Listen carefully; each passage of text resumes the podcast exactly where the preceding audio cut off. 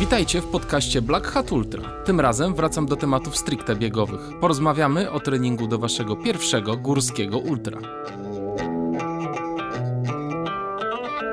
Miałem też troszeczkę czasu popatrzeć, co jedzą inne ekipy, co jedzą ekipy z Tajwanu, czy co piją, e, co Amerykanie. No to powiem szczerze, że szkoły są tak różne e, i to wracam do tego, że nie ma jednej drogi. Z samą dietą, jedni jadą na keto, inni weganie. Fajnie podglądać najlepszych, spróbować, potestować, ale to nie znaczy, że to jest ta droga. Może znajdziemy coś swojego, może, może faktycznie w drugą stronę trzeba spojrzeć, zupełnie odwrotną od tego, co robi nasz idol, tak samo z treningiem. Więc nie ma jednego konkretnego treningu do ultra. Jest jedna na pewno zasada, systematyka i rozwaga, a, a cała reszta to jest, można powiedzieć, terra incognita, jak ja to mówię.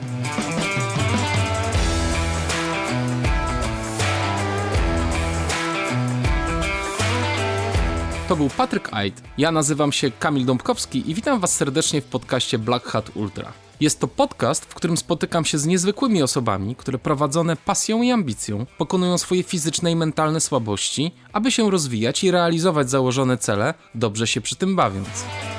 Patryk biega już od czwartej klasy szkoły podstawowej. Od tamtej pory zbierał doświadczenie biegowe na różnych dystansach, a od 6 lat biega również ultra po górach. Przez całe swoje biegowe życie miał do czynienia z różnymi technikami treningu, co daje mu solidne podstawy do tego, aby trenować innych. Ponieważ oprócz biegania kocha podróże, to łączy te dwie pasje i organizuje wyjazdy biegowe pod szyldem obozygórskie.pl.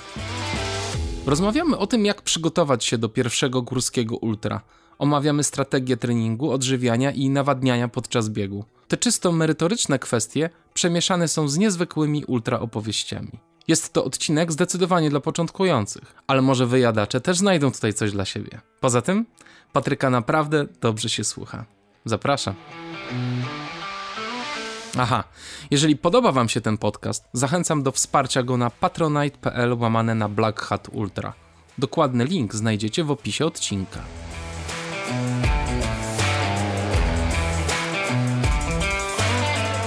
Witam Cię Patryk serdecznie. Witam Kamil, dziękuję przede wszystkim za zaproszenie.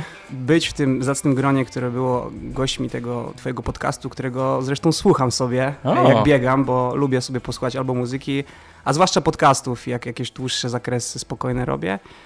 Także jeżeli ja teraz po drugiej stronie jestem, to fajnie. Nie wiem, czy sam się będę potem słuchał, ale, ale miło mi, dziękuję. Nie lubisz swojego głosu słuchać? E, nie, nie. Ja raczej z tych, którzy lubią słuchać innych. No tak, to większość osób tak niestety marzy. To ja też e, zresztą. Słuchaj, Patryk, będziemy rozmawiać generalnie w tym podcaście o tym, jak się przygotować do swojego pierwszego startu ultra, ponieważ Patryk jest trenerem trenuję biegaczy do startów w biegach górskich i biegach e, ulicznych, ale zanim przejdziemy do tego, jak powinien taki trening wyglądać dla początkującego, chciałbym Patryku, żebyś słówko o sobie opowiedział, jak wygląda twoje życie biegowe. Moje życie biegowe już trwa bardzo długo, bo mm, wyszło tak, że ja od podstawówki już biegam, bo trafiłem do szkoły mistrzostwa sportowego, która była zespołem szkół, no i w której mm, od czwartej klasy aż do matury spędziłem e, cały ten okres edukacji. Dla warszawiaków będzie to znana szkoła e, tak zwanej Kusy, czyli imienia Janusza Kusycińskiego. I zaczęło się od biegów przełajowych, czyli tych, które są znane pewnie większości osób, które chodziły do szkoły i były sprawne i uczestniczyły w zajęciach sportowych, bo nieraz był to obowiązek, żeby brać udział w przełajach, prawda? Dla niektórych przykry. Dla mnie był to bardzo taki nerwowy okres w moim życiu, bo ja strasznie się bałem mojego pierwszego biegu, nie mogłem spać w nocy. Ale poszło na tyle dobrze, że wygrałem te zawody i przez to, że szkoła była prowadzona właśnie ta, ta część sportowa przez fachowców, trenerów, specjalistów z wieloletnim doświadczeniem, no to oni już ukierunkowali mnie w stronę e, treningu biegowego. Na następnych etapach mojego życia trafiałem do specjalistów i do trenerów ze stołecznych klubów właśnie pod kątem biegów średniodystansowych. E, one się mogą wydawać teraz dla biegaczy ultra sprintami wręcz, bo to są 800-1500 metrów, ale z perspektywy osoby będącej w podstawówce, czy wtedy jeszcze w gimnazjum, ono już nie istnieje, no to były biegi e, długie, tak, gdzie większość e, moich kolegów trenowała sprint, czy rzutoszczepem czy skok w dal, to przybiegnięcie 1500 metrów to było, było osiągnięcie wręcz maratońskie, prawda? Także, także można powiedzieć, że ja już byłem z tych najbardziej e, hardkorowych od najmłodszych lat, chociaż to brzmi śmiesznie, 1000 metrów, co to jest? No tak, a propos sprintów, wiesz, teraz jak byłeś w Albi, to ja wypytałem się Pawła Żuka troszkę, co myśli na temat tych zawodów i dlaczego go tam nie ma, dlaczego nie startuje, a on właśnie powiedział, że no, przygotowuje się do biegu na 5000 kilometrów. Powiedział, że no to nie, w tej chwili na jego etapie treningowym taki start kompletnie nie jest mu na rękę. No i użył takiego sformułowania, że dla niego taki bieg 24-godzinny to jest właśnie sprint. Więc... Dla Pawła tak, dla Pawła 24 to jest, to jest przetarcie, aczkolwiek e, po tym, co ja widziałem w Albi i nie tylko, bo, bo byłem już na wielu biegach 24-godzinnych, właśnie jako serwis na biegach 12-godzinnych i to, co te biegi robią z ludźmi, to jest po prostu coś nieprawdopodobnego. E, zwłaszcza, że wydaje mi się, że to jest pierwszy raz, gdzie widziałem, że faktycznie ktoś przebiega ultra, a nie tylko pokonuje dystans ultra, ale naprawdę e, widząc osoby, które przez 12 czy 24 godziny biegają w kółko, naprawdę z krótką przerwą na przymusową, załóżmy toaletę, czy zmianę butów, czy żeby na chwilę tylko usiąść, nasmarować nogi jakąś maścią czy kremem uśmierzającą ból, to to jest moim zdaniem takie mm, czyste ultra. Nie ma miejsca na chodzenie. Oczywiście niektórzy też tam w, w gorszych momentach e, chodzą, ale tak naprawdę najlepsi w kółko po prostu biegają przez dobę w tempie poniżej 6 minut na kilometr. Niektórzy nawet szybciej z czołówki, więc to jest e, imponujące. To jest imponujące i to jest takie prawdziwe ultra. Jak ja, jakie były moje początki e, z bieganiem ultra, to w ogóle właśnie cofnę się do mm, czasów właśnie tych, kiedy jeszcze trenowałem dystanse średnie na poważnie, to mojego kolegi z grupy treningowej, tata to jest Waldemar Pędzich i on był e, byłym rekordzistą Polski w biegu 24-godzinnym i zawsze Bartek nam opowiadał o swoim tacie, jak ten bieg wygląda i tak dalej. I dla mnie to była taka totalna fanaberia. Mówię, jak można biegać przez 24 godziny? Dla mnie to było takie równoznaczne z tymi rekordami Guinnessa, że ktoś tam żongluje przez cały dzień czymś albo nie wiem, zjada ileś przez cały dzień. To było takie totalnie ekstremalne, niedorzeczne i abstrakcyjne, że bieganie dla mnie to się kończyło na maratonie. I maraton to było coś, co przekraczało moją wyobraźnię, że jak można przebiec 42 e, km ciągiem, gdzie my jako średniodystansowcy w wieku juniorowskim to wychodziliśmy, jak wychodziliśmy na czternastkę, to już gdzieś tam pod nosem kleliśmy na trenera, że on nas zajedzie czternastką, tak? Gdzie teraz to jest jakieś tam spokojne wybieganie. Także percepcja się zmienia z czasem i bieganie bieganiu nie jest w ogóle, nie jest w ogóle równe. Także inne bieganie jest w wydaniu lekkoatletów, a inne wydanie yy, mamy, chociaż to też jest tabela lekkoatletyczna biegu 24-godzinnego, a niby nazywamy to samo bieganiem. Mhm. Dwa różne sporty totalnie. No dobrze, a powiedz y, tak przyspieszając troszeczkę na trail, kiedy trail zacząłeś biegać tak poważnie? Jeżeli chodzi o poważne bieganie trailu, to jest e, bieg Łękowy na Ultra Trail właśnie w 2014 roku. E, i to był mój pierwszy bieg ultramaratoński, to była ta 70 i to jest zawsze, ja e, powtarzam, e, to był mój debiut w biegu ultra trailowym. I to był ich debiut organizacyjny. I przez to, że oni tak fajnie to zorganizowali, przez to, że Beskid Niski jest tak cudowny i nie ukrywam też, dobrze mi poszło, chociaż ja byłem przerażony tym i przyznam szczerze, że to był pomysł startu w Łemkowynie. To był taki pomysł, który się zrodził przy piwie z kolegami, zróbmy coś głupiego na koniec sezonu. No i to był strzał w dziesiątkę, czyli, czyli to był totalny przypadek, e, że my tam pojechaliśmy. Ja się totalnie zakochałem, moi koledzy też się zakochali wszyscy cały czas e, siedzimy w tym bieganiu e, górskim. E, poważniej lub mniej poważniej, zależy od, od, osoby, ale też wtedy sobie przypomniałem, że tak naprawdę cały mój okres trenowania, jak jeszcze byłem średniodystansowcem, lekkoatletą w klubie i profesjonalnie, jeżeli można nazwać w okresie szkolnym czy studenckim trenowanie profesjonalnym, ale tak naprawdę na poważnym poziomie, to wszystkie zgrupowania, wszystkie treningi to było przede wszystkim szukanie trailu asfaltu się unikało jak diabeł Dlaczego? wody święconej. Przede wszystkim nie, nie jest to zdrowa nawierzchnia do trenowania. Twarda nawierzchnia dużo szybciej eksploatuje nasze stawy, nasz e, układ ruchu. Dużo bardziej boli bieganie po asfalcie na dłuższą metę, prawda, niż mięciutkie podłoże Lasu Bieleńskiego, w którym spędziłem połowę e, mojej biegowej e, kariery. Więc teraz zdecydowanie częściej biegam po asfalcie. Można teraz też uznać, że technologie butów są lepsze, bo kiedy ja wchodziłem w bieganie, to tam 2004-2005 rok, to nie jest prehistoria, ale dostępność do sprzętu biegowego to było coś naprawdę trudnego. Można było kupić sobie jakieś buty biegowe, można było pojechać do Decathlonu, ale wybór i ceny w porównaniu z tym, co mamy teraz, to nie była ziemia. To samo dotyczy się sprzętu typu zegarek, typu pomiar tętna. Teraz każdy może sobie pozwolić na Garmina prostszego czy, czy bardziej złożonego z GPS-em, pomiarem wysokości, etc., etc. A kiedyś mieliśmy przyjemność jako grupa kilkunastoosobowa przetestować jeden zegarek z pomiarem tętna, który nam dano, żebyśmy się sobie pobiegali na zmianę i, i mieliśmy po prostu taki jeden przechodni zegarek i każdy z nas mógł sobie zobaczyć, jak się biega z zegarkiem stętnym. Oczywiście żadnego pożytku z tego nie było, no bo co, co mi da, że ja sobie raz na rok założę zegarek stętnym i po prostu zobaczę, jak się biega. No ale to było taki, można powiedzieć, dotknięcie technologii, nowoczesności tam w roku 2007 czy 2008. Tak samo pamiętam, e, no to może wydawać się bardzo śmieszne, ale ja pierwszy raz czołówkę zobaczyłem w 2007 roku, że jest do biegania czołówka i to był obóz z Mariuszem Giżyńskim, bo nasz trener nie mógł przyjechać na obóz w Beskidzie i Mariusz Giżyński go zastąpił i właśnie tak poznałem Mariusza Giżyńskiego. Był naszym trenerem na obozie, szczawi takich 16-17-letnich i wtedy miał czołówkę i on był jedyny, który miał czołówkę, a za nim 12 chłopaków. Biegaliśmy interwały albo jakieś rozbiegania jako drugi trening, bo to był okres zimowy i śmialiśmy się, że to jest jakiś wynalazek dla górników, nie wiadomo co. No teraz to czołówkę ma praktycznie każdy. To jest rzecz totalnie obowiązkowa na każdym biegu, a w 2007 roku e, dla mnie osoby będącej bardzo głęboko w bieganiu e, to była nowość. Więc e, można powiedzieć, że to jest te 12-15 lat, a technologicznie e, no, skoczyliśmy no, z Ziemi na Księżyc. To jest takie ciekawostki. Słuchaj, dobrze, to a jak było po tej Łemkowynie, tej pierwszej 70?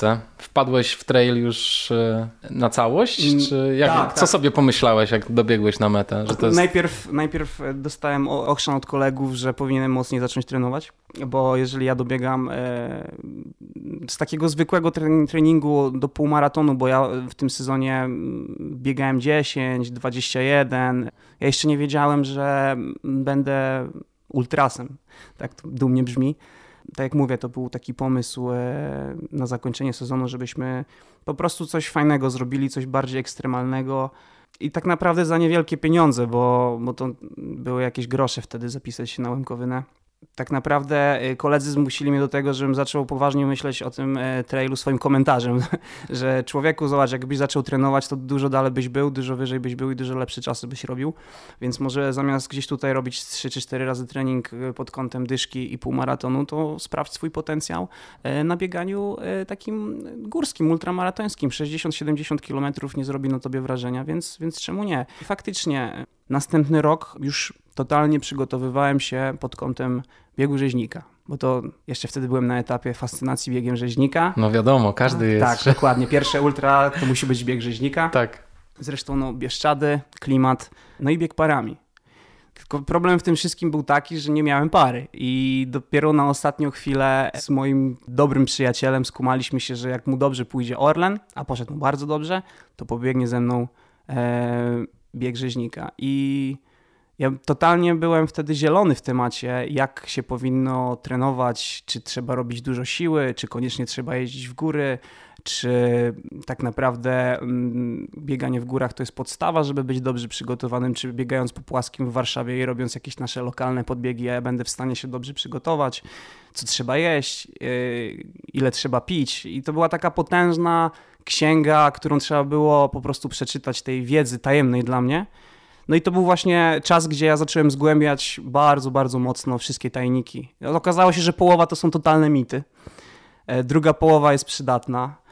E, no i tak, tak szukałem, szukałem i tak zaczęła się moja fascynacja biegami ultra. Miałem tą łatwość, że Maciek Grzykiewicz, który jest moim e, wspólnikiem przy aktualnym projekcie Obozy Górskie, jego żona to Ola Niewińska i ona jest naszą czołową ultraską w biegach dobowych. Ale zanim Maciek poznał Ole, bardzo mocno siedział w środowisku naszych y, ówczesnych czołowych ultrasów Andrzeja Radzikowskiego, Pawła Szynala i mogłem się troszeczkę nasłuchać, mogłem troszeczkę poanalizować, mogłem troszeczkę podpytać. Miałem łatwiej. A że byli to goście, którzy bieg, e, biegi ultra w tej takiej najbardziej hardkorowej formie, czyli, czyli właśnie tej dobowej, gdzie cały czas trzeba biec, gdzie wiedzą, co się dzieje z organizmem, gdzie wiedzą, jakie triki trzeba stosować w momencie, gdzie się coś dzieje, mm, byli naprawdę skorzy, żeby dzielić się tą wiedzą. No i Maciek był taką skarbnicą też wiedzy, bo jeździł z nimi jako też młody, e, niedoświadczony jeszcze człowiek, e, ale z dużym doświadczeniem lekkoatletycznym, bo był kadrowiczem w sprincie na 400 metrów. Dodał swoje doświadczenie do tego, co ci ludzie mieli i razem stworzyli jakąś formułę, kiedy ich serwisował na Mistrzostwach Świata i Europy w Turynie w 2015. Więc po prostu mi było łatwiej, bo miałem ludzi dookoła siebie, którzy coś już wiedzieli. Od siebie dołożyłem to, że wiem, czym jest bieganie od lat. Fakt, że w krótszej formie, ale stwierdziłem, że po prostu trzeba je przeewoluować trzeba szukać, trzeba. Zasadą numer jeden dla mnie, czuć swoje ciało, wiedzieć, kiedy można więcej, wiedzieć, kiedy e, można mniej.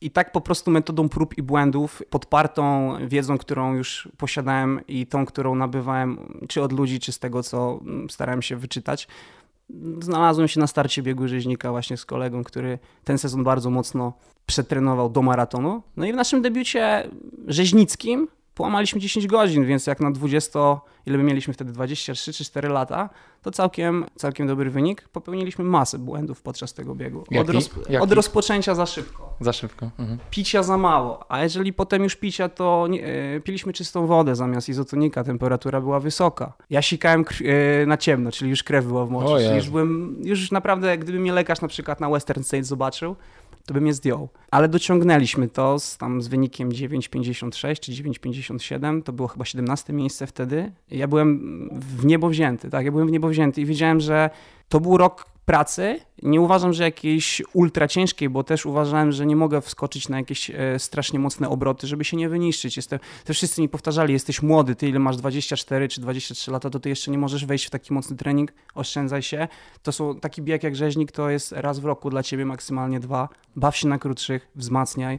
Dorastaj dopiero do tego treningu ultramaratońskiego, ociosaj się, żebyś nie rzucił się od razu na głęboką wodę, bo to się może skończyć tym, że nogi ci odmówią posłuszeństwa, kręgosłup, albo po prostu stracisz zdrowie, więc mm, fajnie, że też były wokół mnie osoby, które powiedziały prr, chłopie, fajnie, ale zwolnij. Jeszcze przyjdzie czas na to, że będziesz mocno trenował, jeszcze będzie czas, że będziesz y, dużo dłuższe dystanse startował, ale póki co wyczuj to, wyczuj i nie wypal się od samego początku, bo jest potencjał, ale spokojnie. I jakby też biorąc to do siebie, zacząłem kuć swoją formułę na te wszystkie biegi, na swoje przygotowania i to fajnie zaczęło działać. I też powiem szczerze, że przydał się pewien instynkt. Pewien instynkt, który ja nazywam właśnie tym czuciem swojego ciała, bo to jest kluczowe, żeby wiedzieć, na jakim etapie zmęczenia jesteśmy. Bo nieraz człowiek właśnie myśli, że to jest zwykły leń, a czasami to już jest wyeksploatowanie, że czasami warto odpuścić. I ta właśnie ta sztuka powiedzenia sobie na chwilę pauza, moim zdaniem jest kluczowa właśnie w treningu ultramaratońskim. Powiedz, czy, czy przed rzeźnikiem już trenowałeś tak solidnie pod tego rzeźnika, czy, czy to jeszcze była zabawa? Można powiedzieć z perspektywy czasu, że to była zabawa. I tak naprawdę mm, w porównaniu z tym, co aktualnie robię, czy tam sezon, czy dwa sezony temu, to wtedy jeszcze uważam, że byłem niedotrenowany. Ale ja wychodzę z założenia, że lepiej być niedotrenowanym niż przetrenowanym. I Na pewno zdrowiej. Zdrowiej, tak. Po tym rzeźniku bardzo długo do siebie dochodziliśmy. Michał jest koniem, bo on w wieku tam 23-4 lat w debiucie maratońskim e, zrobił 2,39 w maratonie. Ja byłem tam na poziomie załóżmy 30, e, poniżej 33 minut na dyszkę, czyli tam 1,15 w półmaratonie, no to można powiedzieć, że... A w, mara a w maratonie jaki miałeś wynik? Nie, ja w, i, i, właśnie, i to, jest, i to jest ciekawostka, że to ja to były najdłuższe, najdłuższe moje przebiegi, to jakieś tam e, wycieczki górskie 30-parokilometrowe, ale ja się nie sprawdzałem wcześniej z maratonem. E, więc ja zacząłem trochę od złej strony, można powiedzieć. Teraz nikomu bym tego nie polecił e, i to jest właśnie coś, o czym mówię, że ja się nauczyłem na własnych błędach, czego, na własnych błędach, czego robić, a czego nie robić. Ale z drugiej strony y, Michał był doskonale przygotowany maratońsko, y, ale już na przykład technicznie gdzieś tam na zbiegach bardzo go to męczyło i po prostu strasznie go kolano potem bolało, dochodził do siebie długo. To jest kolejny właśnie aspekt, o którym pewnie porozmawiamy, czym jest sprawność w biegach górskich, kluczowa. No także dwóch szczawi porwało się y, na bieg rzeźnika. Wróciliśmy starczą, ale na pewno przeciurani i dużo mądrzejsi, że jest jeszcze do do wyciągnięcia e, bardzo dużo z tego biegu. I to był też, też na następny sezon nasz projekt, wrócić na rzeźnika dużo mocniejszy. I się udało, tak? Ale to, to jest kolejna historia. I po prostu ja na własnej skórze się wszystkiego uczyłem. Na własnej skórze, jakby też rozumiejąc, czym jest przygotowanie, czym są okresy przygotowania. Strasznie dużo mi to sprawiało frajdy, żeby móc sobie na spokojnie usiąść, porównać gdzieś tam czyjś trening, porównać z tym, co mówi teoria. Jakby ja doszedłem do wniosku, że nie istnieje trening do ultramaratonu. Nie ma jakiejś szkoły. Tak jak na przykład mamy metodę Danielsa, czy Joffreyla, czy, czy Skarżyńskiego do maratonu, do dyszki, do dystansów konwencjonalnych, takie nazwijmy to nie ma, nie ma e, przepisu. szkoły, tak, nie ma tak. jakiegoś tak. przepisu na to, żeby zrobić e, w danym czasie ultramaraton, bo ultramaratony są różnorakie, prawda? Mamy biegi dobowe, płaskie, mamy biegi typu właśnie bieg siedmiu szczytów, gdzie się biegnie przez góry, który jest, no można powiedzieć, nie jest jakiś strasznie techniczny, ale mamy na przykład bieg Ultra Granią Tatr, gdzie na 71 km tam mieścimy 5000 ponad e, przewyższenia. I na pewno będziemy inaczej trenować do biegu Ultra Grają Tatr niż do biegu Siedmiu Szczytów czy nawet do Łękowyny. Na jednym będziemy więcej czasu spędzać na podejściach, będziemy korzystać z kików, będziemy robić więcej takiego treningu skyrunningowego, no bo gdzieś inaczej się będziemy w Tatrach zachowywać na tych zbiegach, na tych twardych, e, skalistych ścieżkach, gdzie gdzieś tam z tyłu głowy na zbiegu cały czas mamy, że jak się wyrypiemy, to nie w błoto, tak jak na Łemkowynie, ale w kamulce. Także e, to też jest piękne w tym wszystkim, że jeden sezon ustalimy sobie, że biegniemy to, więc postawimy bardziej na przygotowanie szybkościowe, mniej techniczne. To już Łękowyna jest takim biegiem. To jest szybki, naprawdę nie, nie, niepofałdowany bieg, dużo asfaltu i maratończycy sobie świetnie poradzą, naprawdę bez jakiegoś wdrożenia mocno w góry. No ale taki maratończyk jak pojedzie potem na grań teatr, to naprawdę dostanie w skórę mocno i naprawdę na mecie będą różnice między tymi, którzy znają doskonale teatry i ładnie podchodzą i potem technicznie świetnie zbiegają. Więc to, to jest naprawdę bieg biegowy nie jest równy i to jest moim zdaniem najpiękniejsze i to jest też olbrzymia trudność. Tak, w każdym sezonie możesz sobie inaczej podejść do problemu, nawet możesz w połowie sezonu zmienić swoją ścieżkę, którą trenujesz, albo w ogóle swoje założenia, to też jest fajne. Tak, to są takie jedne wielkie puzzle, które ty musisz poskładać, prawda? Z, z odżywiania, z treningu. Zgadzam się. O, odżywianie też jest tak, tak. takim polem do manewru niesamowitym. To taki przykład z najświeższej imprezy, na jakiej byłem świadkiem, co, co się dzieje właśnie, bo byłem e, w Albi podczas Mistrzostw Świata 24-godzinnych jako serwis Aleksandry Niewińskiej. No wtedy dziewczyny wykręciły drużynowo drugie miejsce. Miałem też troszeczkę czasu między tym, bo byłem ja i Maciek, Maciek mąż Oli i między tym podawaniem tych żeli, tego wszystkiego, popatrzeć co jedzą inne ekipy, co jedzą ekipy z Tajwanu, czy co piją, e, co Amerykanie, no to powiem szczerze, że szkoły są tak różne e, i to wracam do tego, że nie ma, nie ma jednej drogi. Z samą dietą. Jedni jadą na keto, inni, e, tak jak Scott, e, weganie, jeszcze inni po prostu będą jakiś tam jeden rodzaj żeli jeść. Fajnie podglądać najlepszych, spróbować, potestować, ale to nie znaczy, że to jest ta droga. Może znajdziemy coś swojego, może, może faktycznie w drugą stronę trzeba spojrzeć, zupełnie odwrotną od tego, co robi nasz idol, tak samo z treningiem. Więc, więc nie ma jednego konkretnego konkretnego treningu do ultra. Jest jedna na pewno zasada, systematyka i rozwaga, a, a cała reszta to jest, można powiedzieć, terra incognita, jak ja to mówię. Dokładnie. I my też dzisiaj nie, nie przedstawimy wam e, planu, jak powiedz, Ciężko pierwsze by ultra. Nie, nie da rady. Natomiast postaramy się naświetlić e, wam problemy, z którymi się możecie spotkać. I pomyślałem, Patryk, że może sobie założymy taki scenariusz, że mamy biegacza, który teraz na jesieni pobiegł, załóżmy, pierwszą dyszkę w okolicy gdzieś tam 50-60 minut. Jest już osobą biegającą, powiedzmy 3-4 razy w tygodniu, i jego celem na najbliższy sezon jest e, start na jakimś dystansie podczas Dolnośląskiego Festiwalu Biegów Górskich, który odbywa się w lipcu. Czyli ma tam te 6-8 miesięcy, żeby się przygotować. I co teraz? Załóżmy, że on chce pobiec tam, jest taki dystans 63 km. I co ty byś takiej osobie poradził teraz, późną jesienią, zimą? Jak trenować? Jak sobie rozłożyć najbliższe pół roku? Jak sobie na przykład starty pośrednie przygotować? Jak do tego podejść? Aha, no jeszcze y, załóżmy, że dana osoba mieszka w mieście, daleko od gór Albo na przykład, no nawet niech to będzie Kraków, ale nadal do jakichś większych górek ciężko jest dojechać. Kawałek, tak. Tak, no ale też Festiwal Dolnośląski nie jest biegiem super wymagającym jest, technicznie górskim, super. jak już powiedzieliśmy przed chwilą. To się więc... mówi w żargonie biegowy, biegowy bieg. Tak, jest, jest to, bieg, bieg, to są, są to biegowe trasy, więc e, jak byś widział trening dla takiej osoby? To pierwszym krokiem na pewno będzie pójście i zrobienie kompleksowych badań i sprawdzenie, czy na pewno jesteśmy zdrowi, e, skonsultowanie to nawet z lekarzem pierwszego kontaktu, zrobić EKG, morfologię, żeby przede wszystkim potwierdzić, że jesteśmy zdrowi. No jak coś wyjdzie w międzyczasie, że na przykład hemoglobina słaba, można gdzieś tam zacząć plan naprawczy, no, ale ja uważam, że to jest y, niezależnie od sportu, niezależnie od przedsięwzięcia, y, zawsze trzeba sprawdzić nasze zdrowie. Żeby nie wyszło nam w trakcie, że dostaliśmy anemię od biegania, bo za niskie żelazo było, albo jednak gdzieś tam coś z serduchem jest nie tak, bo efekt tego wszystkiego, tego sportu, to zdrowie będzie totalnie odwrotny chociaż to brzmi faktycznie śmiesznie w przypadku ultramaratonu, ten sport to zdrowie. Ale tak, tu, tu na pewno, tu z każdą osobą, z którą współpracujemy, to, to nalegamy, żeby przede wszystkim zrobić zwykłe badania, a potem a potem dopiero możemy rozmawiać o treningu. Jeżeli na pewno taka osoba, można powiedzieć, zdrowa, sprawna osoba przebiegnie 10 km, na pewno następnym celem nie będzie od razu te 60, 60 parę, tylko trzeba y, gradacyjnie sobie następny etap e, zrobić, czyli półmaraton ja uważam, że maraton. Jeżeli osoba, która jest w stanie zrobić maraton, niezależnie od czasu, czy to będzie 4,5 godziny, dla jednych będzie 3,30, nie trzeba tego maratonu robić na maksa, ale moim zdaniem on powinien być celem, tak uważam przynajmniej, żeby być po prostu w stanie przebiec ten e, maraton. Wtedy możemy myśleć o dystansach ultramaratońskich. Oczywiście ja byłem fatalnym przykładem, bo ja gdzieś tam od razu się rzuciłem dwa piętra wyżej, ale, ale gdzieś tam generalnie w tym naszym przygotowaniu to ten start maratoński powinien się znaleźć. Ewentualnie, jeżeli ktoś nie lubi asfaltu i mówi, że nie będzie biegał po mieście i te 42 e, klepania e, w Krakowie czy w Warszawie nie sprawiają przyjemności i go to zabija psychicznie. Aczkolwiek też ciężko mówić, jeżeli ktoś chce się łapać za ultramaratony, a go psychicznie zabija maraton, no to faktycznie też jest pole do manewru. Natomiast może w takim razie wcześniej warto znaleźć biegi krótsze górskie czy trailowe, typu 30-30 parę kilometrów, które czasowo będą mniej więcej odpowiadały właśnie biegu biegowi maratońskiemu, prawda?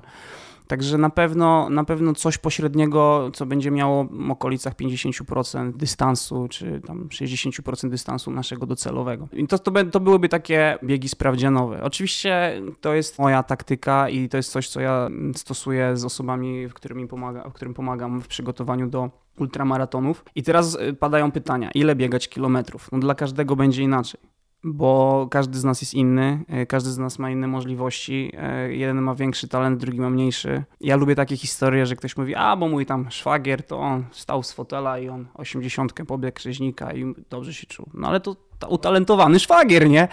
No kto wie, czy tam w B-klasie w piłkę wcześniej nie grał, wybiegany jest, silny, prawda? Pamięć mięśniowa jest, pobiegał dwa miesiące, troszkę zrzucił kilogramów i sobie e, ciało przypomniało, jak, jak to jest uprawiać sport, ale nie, nie z każdym tak jest, bo oczywiście są takie fenomeny, e, tak jak Andrzej Piotrowski. No to, to jest, też nie wiadomo, co by było, gdyby on zaczął uprawiać sport w wieku tam 12 czy 14 lat, czy nie byłby olimpijczykiem, po prostu jest, e, jak jest koniem, tak jak ja to mówię. I, ale to też nie można się jakby mm, odnosić do do, do, do, jego drogi, tak, że on zaczął, wyszedł sobie, pobiegł, e, sprawdził, czy może biegać, tak, i, nagle robi rekord Polski w biegu 24-godzinnym. Tak, tak, I pierwszym jego biegiem nie był wcale maraton, tylko setka. Dokładnie, także... Tak, to nie jest dobry to przykład. To nie jest dobry słuchajcie. przykład, tak, pójdźmy konwencjonalną drogą. Tak. W dodatku, jak już mówimy o kilometrach, to też, też nie, ma, nie ma jakiegoś e, docelowego kilometrażu, który mówi, że jeden będzie biegał 100 kilometrów tygodniowo, to na pewno pobiegnie lepiej od tego, który biega 80. Absolutnie nie, bo właśnie może ktoś dużo lepiej się będzie regenerował przy 80 kilometrach, zrobi troszeczkę więcej jakościowego treningu. Każdy jest inny, więc na pewno co jest istotne? Regularność treningu. Jeżeli mamy założone biegać 3-4 razy w tygodniu, to żeby się tego trzymać, nie przeskakiwać pewnej bariery, czy typu na przykład, bo moi koledzy chodzą na 30, 35 wybiegania, to ja pójdę z nimi. Nie, na razie nie idź z nimi, bo może się okazać tak, że jak pójdziesz pierwszy raz z nimi na 35, to ty już prawie ten maraton zrobisz i potem dwa tygodnie będziesz do siebie dochodził, tak? Czyli obciążenie twojego układu będzie no, potworne. Także tutaj chodzi przede wszystkim o regularność. Nie zawsze pięć treningów jest lepszych od czterech treningów i w drugą stronę czasami warto sobie coś też dorzucić, ale, ale trzymać się pewne, pewnego e, szablonu. Czy sami sobie układamy plan, czy ktoś nam układa plan, to żeby podtrzymywać tą regularność. I zawsze w te same dni tygodnia proponujesz? Byłoby najlepiej, ale większość osób to są jednak amatorzy z pracą, z rodziną, sytuacje są różne i też trzeba tak naprawdę umieć e, być elastycznym, czyli na przykład w poniedziałek nie możemy zrobić treningu, to nie ma problemu, zróbmy go we wtorek i przesuńmy o jeden dzień. Na przykład Skarżyński tak pisał w swoich metodach, no, e, że jeżeli faktycznie odpuściliśmy trening środowy, nie powtarzamy go, tylko jedziemy dalej z planem, nie przejmujemy się i, i robimy dalej robotę, nic się nie stanie, prawda? I to jest moim zdaniem bardzo zdrowa i, i mądra metoda i nie ma co się tutaj tak naprawdę gdzieś tam głowić nad tym, tylko robić dalej to, że nam wypadnie jeden czy dwa treningi, to, to nic się nie stanie, bo i tak w większości przypadków ludzie mają przerwę w treningu, bo się albo rozchorowują, e, albo przychodzi przeziębienie, to, to powiem szczerze, to jest w 90% tak, że zawsze przychodzi ten okres przeziębień i wszyscy pauzują, to już powiem szczerze, w tym planowaniu e, treningów mam wliczone wręcz, że będzie taki okres i to jest, to jest właśnie jakiś tak styczeń, luty, że jednak to osłabienie przychodzi i wtedy się zaczynają różne infekcje. E, właśnie jak mówisz o dystansach, to chyba też jest ważne, żeby nie od razu wchodzić na jeden stały poziom kilometrażu tygodniowego, tylko powoli go budować. Oczywiście. Prawda? Teraz mamy na przykład okres po roztrenowaniu tak zwanej akumulacji, bazy, co się teraz liczy. spokojna objętość, siła biegowa, sprawność. Teraz jest czas, żeby się wzmocnić, teraz jest czas właśnie, żeby biegać spokojne kilometry, żeby tworzyć tą bazę, na fundamencie której będziemy budować potem to bieganie tempowe i robić trening jakościowy. A co to znaczy spokojne biegi? No to w tak, tak zwanej em, pierwszym zakresie, jak to się mówi klasycznie, czyli na niskiej intensywności. Na niskiej intensywności, gdzie po prostu, jak ja to swoim zawodnikom piszę, na zielony pasek, tak? Jak, jak, jak to się mówi, że każdy teraz ma, wiesz, tam Garmina czy Sunto, to tam niskiej intensywności, czyli bez forsowania. Oczywiście można dodawać do tego jakieś przebieżki czy interwały, akcenty delikatne, ale póki co mielimy. Mielimy sobie, robimy sobie objętość i spokojnie, maksymalnie te 10% tygodniowo możemy sobie zwiększać tego kilometrażu, może nawet mniej, ale żeby po prostu cały czas dodawać pewne bodźce, ale póki co jeszcze do końca roku spokojnie, spokojnie budować sobie bazę. To też zależy, kiedy mamy ten nasz start docelowy, bo jeżeli ktoś się przygotowuje do maratonu w kwietniu, no to zupełnie inaczej będzie miał ułożony ten plan treningowy niż ktoś, kto jako start docelowy ma Lavaredo. Bo jak ktoś zbuduje sobie szczyt formy na kwiecień, to już nie dojedzie do czerwca, prawda? Też trzeba wiedzieć, że jeżeli e, na przykład teraz e, przygotowuję takiego Łukasza do, do Lavaredo, no ale on też po drodze chciałby Zuka pobiec, to tam, to siam, to mówię, słuchaj, okay, jak się nawet uda z Zukiem, to ty tam nie będziesz na 100% przygotowany, no bo celem numer jeden jest Lavaredo, więc tego Zuka potraktujemy jako gdzieś tam po drodze sprawdzian. On już jest doświadczony, on już tam wiele lat e, trenuje, wcześniej był kolarzem, więc u niego naprawdę można to też inaczej, to też jest kolejna kwestia, pytanie kogo dostaniemy do, do, do treningu, prawda, i jakie są cele. No ale też trzeba wymierzyć, że, że, że ten nasz e, okres treningowy nie może być za długi. Nie utrzymamy formy przez cały rok musimy sobie zrobić wewnątrz sezonowe roztrenowanka, tak jak klasyczna szkoła mówi o tym, że jest wiosna, start do czerwca, potem z powrotem zjeżdżamy z dyspozycją, wracamy do tego spokojnego treningu i budujemy drugi szczyt na jesień, tak? Czyli przejechanie, przejechanie tego e, e, roku na szczycie formy jest totalnie niemożliwe. To można dwa tygodnie wytrzymać. Okej, okay, czyli teraz przy budowaniu bazy bardziej się liczy, jak rozumiem, czas treningu, a niekoniecznie kilometry, tak? Zdecydowanie. I teraz też jest czas właśnie na takie rzeczy typu e, siłownia, typu nad nadrobienie zaległości koordynacyjnych na przykład. Bo to, co jak, na przykład na naszych obozach bardzo dużo zauważyłem, że ludzie mają problem z najprostszym ćwiczeniem typu prawa ręka, lewa noga. Wydawałoby się, no, no jak to? Przecież normalnie podnoszę lewą nogę i prawą rękę, przecież tak też chodzimy. No i teraz uwaga, robimy ćwiczenie, marsz dynamiczny, prawa ręka, lewa noga na sali gimnastycznej. I nagle patrzysz i 30% nie jest w stanie zrobić, po prostu wiesz, wariuje, bo nie jest w stanie lewej nogi podnieść z prawą ręką. A to jest, a koordynacja jest tak ważna w biegach górskich, zwłaszcza podczas zbiegów, żeby sobie przede wszystkim nie zrobić krzywdy i płynnie zbiec. I, i, I, właśnie teraz jest czas na nadrabianie zaległości sprawnościowych, bo y, świetnie, jeżeli ktoś miał bardzo dobry ogólnorozwój za dzieciaka, czy w tym okresie nastoletnim i grał w piłkę i w siatkówkę i pływał, to on sobie z tym poradzi na pewno. Natomiast jeżeli ktoś nigdy nic nie robił i, i nie ma jakiejś predyspozycji, to ta koordynacja powoduje to, że te, i to się przekłada na technikę i jeżeli ktoś jeszcze planuje biegać w górach, to podwójnie się męczy, bo noga w swoją stronę, ręka w swoją stronę, głowa jeszcze nawigowanie, jak ja to mówię, z gwiazd leci do tyłu, prawda? Czyli tracimy na ekonomice. I teraz jest właśnie czas, żeby oprócz biegania spokojnie budować sprawność, siłę, no i nadrabiać te zaległości koordynacyjne. Jak, jak to trenować? Skąd brać przykładowe ćwiczenia? Na chwilę obecną mamy taki komfort, że to odpalenie YouTube'a już powoduje to, że możemy sobie poćwiczyć tam z taką, nie wiem, amerykańską chodakowską czy, czy z innego kraju, prawda? Ale już to nie stanowi problemu. Natomiast uważam, że świetnym, doskonałym ćwiczeniem jest praca na płotkach. Oczywiście nie każdy wie, jak to zrobić, ale biegam sobie często na Agrykoli, tam są płotki, można sobie rozstawić i coraz więcej grup otwartych, gdzie można przyjść po prostu. Mamy naprawdę 2019 e, rok w skali kraju programy typu Biegam, bo lubię, oferują tego typu zajęcia ogólnorozwojowe i e, sprawnościowe. Można naprawdę za darmo przyjść na trening z płotkami, gdzieś tam odwiedzić grupę. Między innymi moi koledzy, lekkoatleci byli i trenerzy e, w całej Polsce organizują właśnie zajęcia też na płotkach, też zajęcia sprawnościowe pod kątem koordynacji, więc możliwości jest dużo. Jeżeli ktoś oczywiście gdzieś mieszka na małej wsi, ale gdzieś tam nie ma dostępu do dużego miasta, no to faktycznie może być trudniej. Ale powiem szczerze, że to może zabrzmieć śmiesznie, ale zwykła gra w klasy, którą kiedyś pod blokiem każdy y, robił, to jest doskonałe ćwiczenie koordynacyjne. Także te nasze zabawy typu trzepak, te zabawy typu skakanie po drzewach i tak dalej, to, to świetne przygotowanie przed dzisiejszymi wyzwaniami sportowymi, amatorskimi, prawda?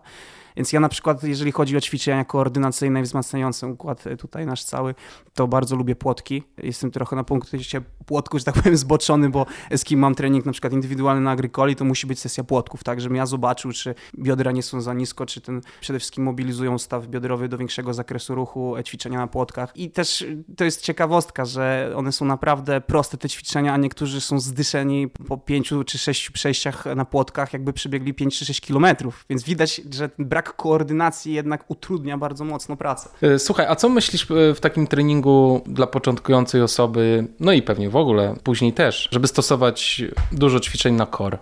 No to jak najbardziej. Oczywiście ja jestem tego zdania, że trening powinno się urozmaicać i dodawać jak najwięcej różnych bodźców. Kiedyś nas uczono w ogóle, e, jak biegaliśmy za, za szczyla, żeby nie jeździć na rowerze, bo to skraca mięśnie, to tamto z czasem patrzę, że w ogóle elita to i jeździ, wiadomo, że teraz patrzę na elity troszeczkę innych biegów, ale e, i jeżdżą na rowerze szosowym. Ja na przykład mam rower szosowy, uwielbiam jeździć na rowerze szosowym. Jak kupowałem, to miałem taką zagwozdkę, czy jakby nie będzie mi to kolidowało z treningiem, e, bo nie ja też lubię szybko postartować, szybko pobiegać, czy mnie to gdzieś tam nie skatuje.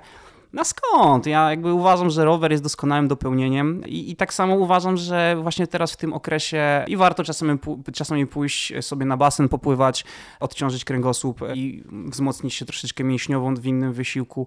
A core to, jest podstawa tak naprawdę, sama nazwa. Więc jak najbardziej I, i żeby dodawać jak najwięcej tych różnych bodźców, żeby też ten trening biegowy był dla nas ciekawy, że dzisiaj idziemy biegać, ale jutro idziemy na siłownię, robimy jakieś właśnie crossfitowo, stability, mobility i, i ja każdemu zalecam, bo jeżeli ja współpracuję z kimś online, to ciężko mi wiele rzeczy zrobić i zalecam, słuchaj, jeżeli masz w okolicy możliwość pójść na trening Core Stability, czy, czy inne Mobility, czy inne ET, to skorzystaj z tego, bo to tylko jest na plus. Wiadomo, że nie, nie będziesz tam robił przysiadów 200 kg sztanga, bo tego nie szukamy, ale trening funkcjonalny, kalistenika, to tylko na plus. To tylko może pomóc i urozmaicić nam trening. Powiedzieliśmy o tym, że nasz y, przykładowy biegacz, bądź biegaczka, ma 4 dni w tygodniu do pracy nad sobą. Ile z tych dni by być przeznaczył właśnie na bieganie, a ile na zajęcia dodatkowe.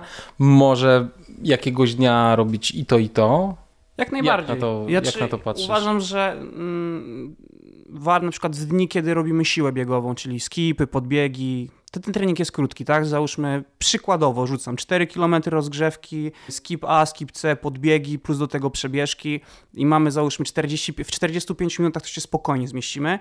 I jeszcze można poświęcić, załóżmy, że jeżeli ta osoba ma przeznaczone dwie godziny na trening, to jeszcze można resztę czasu poświęcić właśnie na ten trening, o którym przed chwilą mówiliśmy. Tak my trenowaliśmy zawsze. Było rozgrzeweczka 4 km, potem jazda ze skipami, jazda z wieloskokami, jakieś tam w piaskownicy w miejscu, podskoki, prawda, podbiegi i potem zjeżdżaliśmy na siłownię i jeszcze tam jakieś dynamiczne ćwiczenia ze sztangą, y, suchą sztangą, jak ja to mówię. Piłki lekarskie, o to jest fantastyczny zestaw ćwiczeń z piłkami lekarskimi, bardzo lubię i zawsze jak organizujemy obozy, to też na sali gimnastycznej katujemy wszystkimi piłkami lekarskimi. Ja się trochę śmieję, bo teraz to się nazywa wszystko crossfit i tak dalej, a u nas to było tak, jedna stacja piłka lekarska, druga sztanga, trzecia ławka, drabinki, dalej, dalej i jazda po minucie, nie? I to był nasz taki crossfit, radziecki crossfit, tak? Nie, nie ma to jak coś ładnie opakować oczywiście, i sprzedać. Oczywiście, oczywiście, tak. Ktoś siedział w sporcie jeszcze tam 10 lat temu, to, to po prostu widzi, jaki to ładny marketing poszedł na to wszystko, no, ale to, to, to fajnie się sprzedało. Jest okej, okay, bo wiesz, okay. ludzie się ruszają oczywiście, dzięki temu. Tak, oczywiście. Słuchaj, to powiedz, ile powinien trwać taki okres budowania bazy w związku z tym dla takiej osoby? No, ja myślę, że y, dla takiej osoby też ona tak, z jednej strony pomyślimy sobie, jako on, że ona jest początkująca, no to powinna popracować troszeczkę dłużej niż osoby, które już to mają i tylko odkurzają sobie. Natomiast z drugiej strony, jak za długo i za mocno wejdziemy w ten okres, to też y, może dojść do takiego, y, do pewnej stagnacji, tak, zamulenia od y, pewnych powtarzających się bodźców. I ja myślę, że jeżeli mówimy tutaj o biegu w lipcu, no to też nie ma co za wcześnie zaczynać z tym bieganiem, tak jak klasycznie się gdzieś tam na początku listopada czy w połowie listopada zaczyna po roztrenowaniu, tylko dopiero zacząć sobie gdzieś od grudnia spokojnie i żeby w lutym już powoli schodzić z objętości i wchodzić w jakość. Ale to jeszcze tak, tak, tak bym zrobił. Tak bym zrobił, żeby po prostu 2,5 miesiąca spokojnej, 2,5 miesiąca do 3 miesięcy spokojnej pracy mm, bazowej, tlenowej z dodatkiem siły, budowania sprawności, nadrabiania zaległości koordynacyjnych, jeżeli takie są. I też cały czas z tygodnia na tydzień można powiększać kilometraż, ale tak jak mówiłeś, delikatnie, tak, żeby, żeby nie, nie, nie z 60 km czy 50 paru kilometrów dałem dojść do 80-90 załóżmy,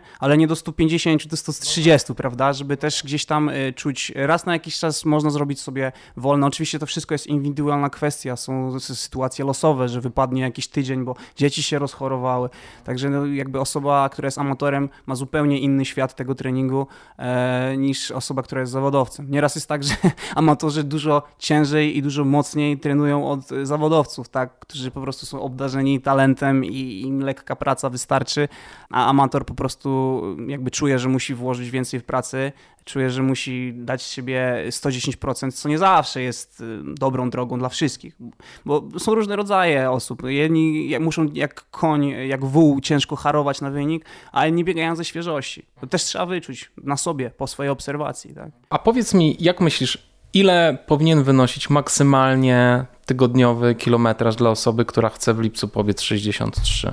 To jest też taka, ktoś może, ktoś będzie nas słuchał, może się z tym nie zgodzić, ale ja uważam, że te 70, max do 80 km to jest absolutne maksimum. Zwłaszcza, że to jest osoba początkująca, tak? Bo ja na przykład powiem, ja mam kilometraż na poziomie załóż tam tych 100-120 km tygodniowo. Ktoś powie, że jak na ultramaratończyka to jest mało, ale mi na chwilę obecną tyle wystarcza i jakby też lubię się skupić na treningu jakościowym. E, lubię szybko biegać, lubię zrobić sobie jakieś tam kilometrówki, 500 e, w okolicach 3 e, minut na kilometr, znaczy kilometrówki wiadomo troszeczkę wolniej na chwilę obecną, ale no, ktoś powie, no dobra, ale tam to przynajmniej 160, przynajmniej 180, jak ty setki po górach biegasz, nie? Powinno się robić. A mi na razie starcza ten trening, który mam i na pewno gdzieś będę podnosił ten kilometraż, ale ja czuję, że jestem na tym etapie, że więcej mogłoby się skończyć problemami albo zdrowotnymi, ja na przykład nie, nie miewam kontuzji. Zdarzają się jakieś bóle, coś przeciążone, ale jeżeli jestem na etapie, że nie mam kontuzji i jestem cały e, okres przygotowawczy w stanie zachować w zdrowiu, nie mam żadnych...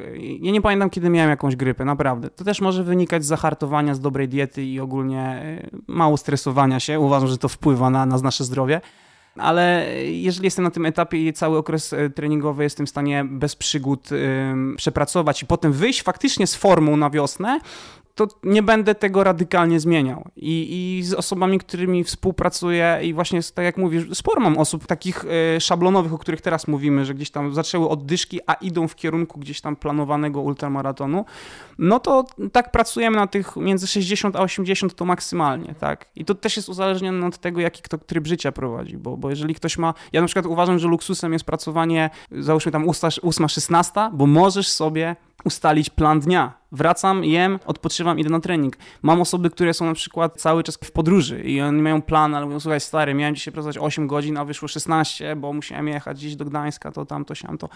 Więc y, tu też jest ciężka praca, bo, bo taka osoba siedzi za kółkiem 10-12 godzin, to następnego dnia jest jak flag i nie można dać jej mocnego treningu.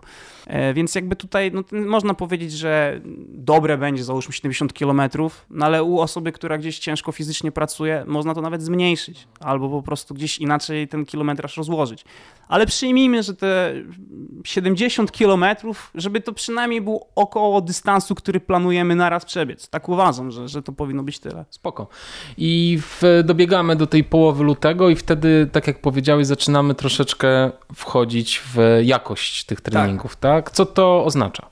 No, że już nie będziemy, nie będziemy sobie biegać delikatnie tych rozbiegań tylko dodamy do tego biegi ciągłe, dodamy do tego biegi tempowe. Jak one by wyglądały, to, to tak jak mówię, bieg granią teatr, Spartatlon.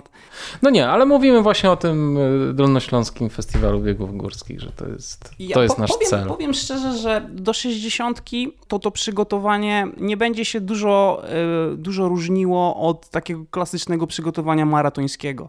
Nie jest to dużo dłuższy bieg, okej, okay, no można powiedzieć, że to jest tam 20 km więcej, ale jakby w realiach górskich uważam, że dobre, solidne przygotowanie maratońskie będzie odpowiednie. Jeżeli jeszcze do tego dodamy kilka sesji dłuższych rozbiegań w okolicach tam 30 km, kilka wycieczek górskich, bo to też warto o tym powiedzieć, że warto się przejechać parę razy w góry, pobiegać, oswoić z górami, bo jeżeli dla kogoś góry są totalną nowością, to nie ma co jechać, że tak powiem, na rympał i od razu startować w górach. No bo to można sobie naprawdę y, albo rozrobić krzywdę, albo obrzydzić sobie bieganie w górach, bo nie, nie wiemy, z czym będziemy mieli do czynienia. No i też zależy, w jakim paśmie górskim tak. zamierzamy biegać, no bo tak. zupełnie inne są Karkonosze i Tatry, a inne są Beskidy czy Kotlina Kłodzka. Też, więc... Tak, dokładnie. To też warto powiedzieć, że dla osoby, które gdzieś tam próbują e, sił w górach, żeby zacząć od łagodnych gór, tak, żeby zacząć od e, Beskidów, żeby pojechać na Chudego Wawrzyńca, na krótszy dystans, e, pojechać właśnie na Dolnośląski Festiwal, żeby nie ładować się od razu w Tatry czy, czy w Karkonoszy, bo jednak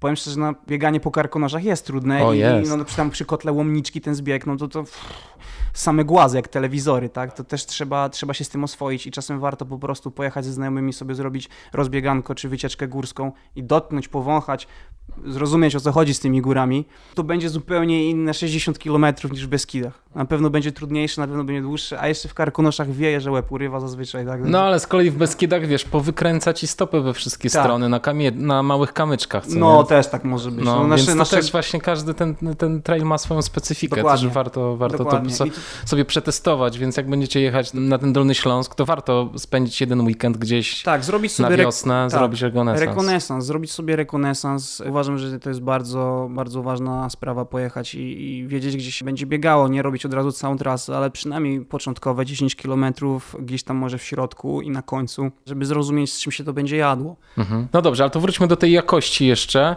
Czy trenujemy w tym okresie więcej w tygodniu, czy nadal zostajemy przy czterech dniach? Nadal zostajemy, nadal zostajemy przy tych y, czterech dniach. Ja uważam, że tego nie warto zmieniać, tylko po prostu będzie wyglądał y, inaczej nasz trening, tak? Już zamiast jakoś w środku tygodnia y, spokojnych interwałów, tam 3-4 minutowych, no już wejdziemy w jakieś bieganie biegów ciągłych, 8-kilometrowych, czy na przykład będziemy biegać jakieś biegi, załóżmy, mamy jeszcze po drodze sprawdzianowo maraton, czyli będziemy biegać, tak jak fajna jest szkoła właśnie Danielsa, tak? która gdzieś tam dzieli to na odcinki milowe, 3-kilometrowe, na tempach, które są e, docelowe w naszym starcie, prawda? Także powiem szczerze, że tak jak e, ostatnio wrzucałeś na swój, swój fanpage, że Heron tak. do biegów 24-godzinnych trenuje na treningu do tak, maratonu. Jak do maratonu. I powiem tak. szczerze, naprawdę tak jest, że, że do większości, bo tutaj okej, okay, 24 może się wydawać jakimś takim dystansem, gdzie trzeba potrójnie czy poczwórnie więcej zrobić, a powiem szczerze, naprawdę na przykład znam trening e, Oli Niwińskiej, to ona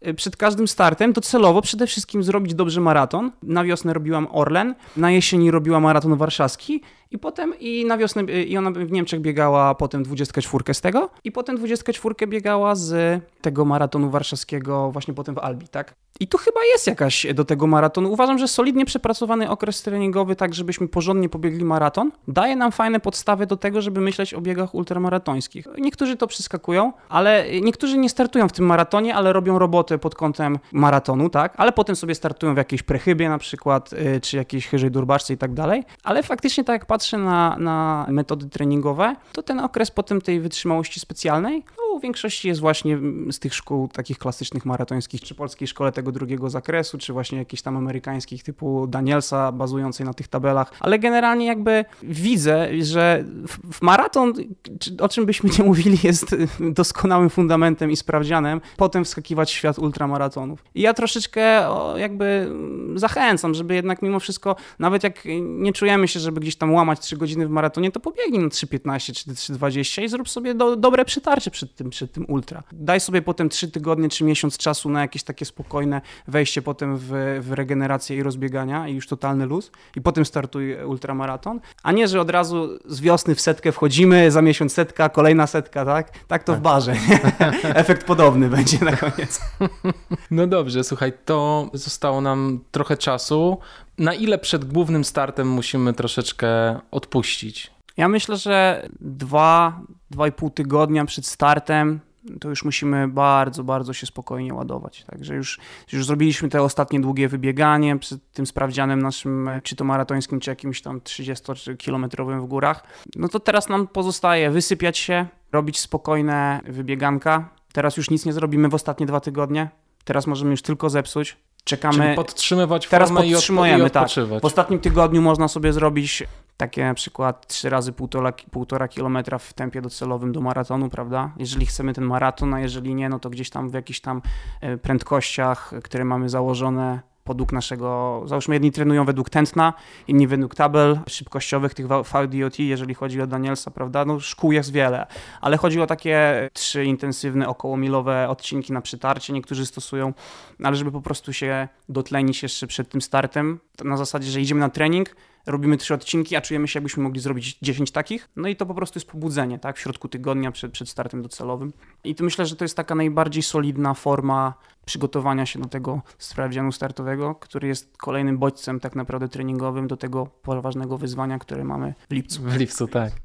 Dobrze, to może porozmawiajmy jeszcze chwilę o regeneracji. Jak proponujesz, co myślisz o rozciąganiu, nie wiem, o kąpielach e, w soli, o innych metodach regeneracyjnych. Jak, jak do tego podchodzić? E, jak na to patrzysz? No, powiem szczerze, że teraz na przykład dużą popularnością cieszy się morsowanie. Podobno ma fantastyczne właściwości, jeżeli chodzi o budowanie i wydolności naszej, i zachowanie zdrowia, i regeneracji.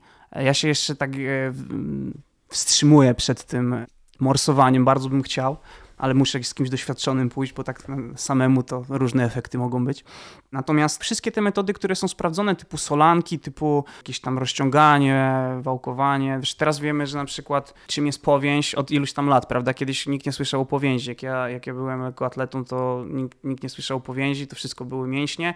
Mało tego, jak moja mama kończyła AWF, to ich uczyli, że e, zakwasy to nie są mikrourazy, tylko to jest kwas mlekowy zalegający w mięśniach po treningu, co jest totalną bzdurą, a uczono tego na akademiach, prawda?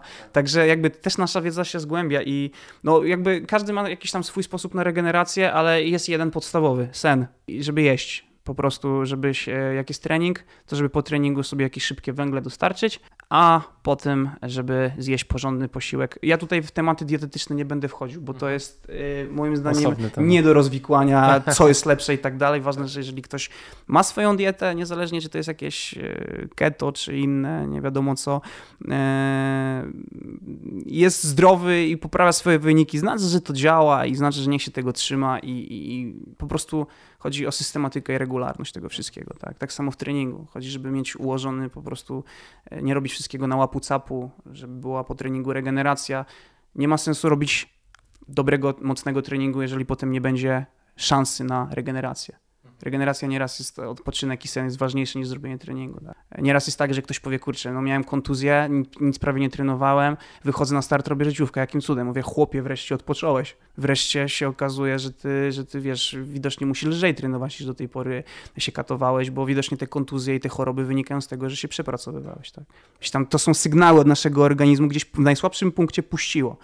Także regeneracja jest kluczowa. No to, jest, to jest coś, bez czego nie, nie zrobimy treningu. Tak? Dlaczego najlepsi na świecie robią takie wyniki, jakie robią? Bo oni mają armię ludzi, żeby ich postawić na nogi po mocnych treningach. Tak?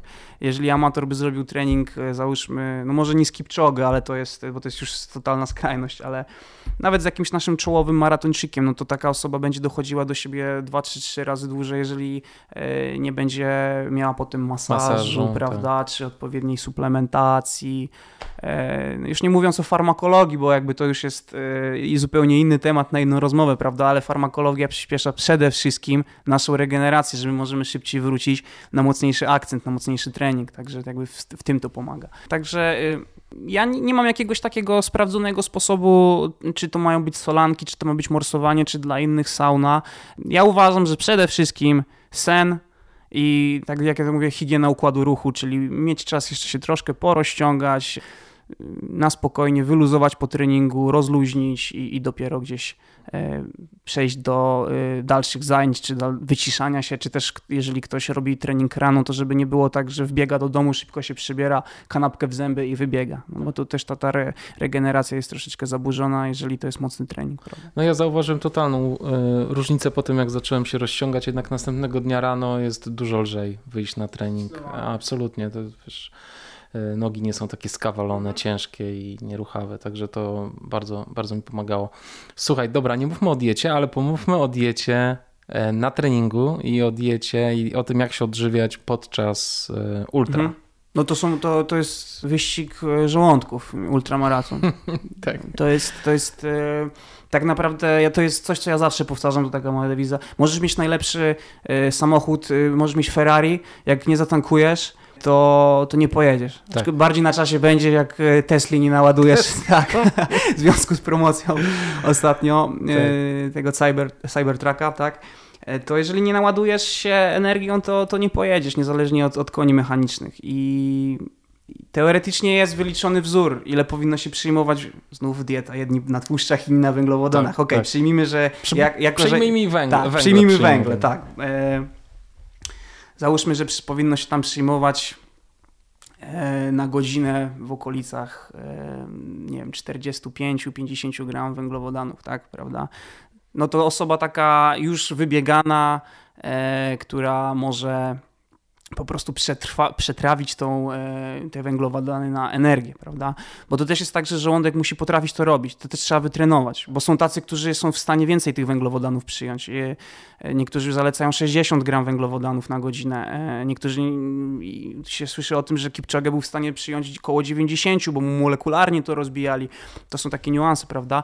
Ale załóżmy, że tak jesteśmy w przedziale między 45 a 60 gram węglowodanów na godzinę, no to jeżeli startujemy w zawodach ultramaratońskich, no to jeżeli żel przykładowo ma 23, 20, 23 to jest chyba tak średnia wartość węglowodanów, to jeżeli żel ma 23 gramy węglowodanów, to ile tych żeli musimy w ciągu godziny zjeść? Ze 3 przynajmniej, nie? Tam czy, czy 2,5.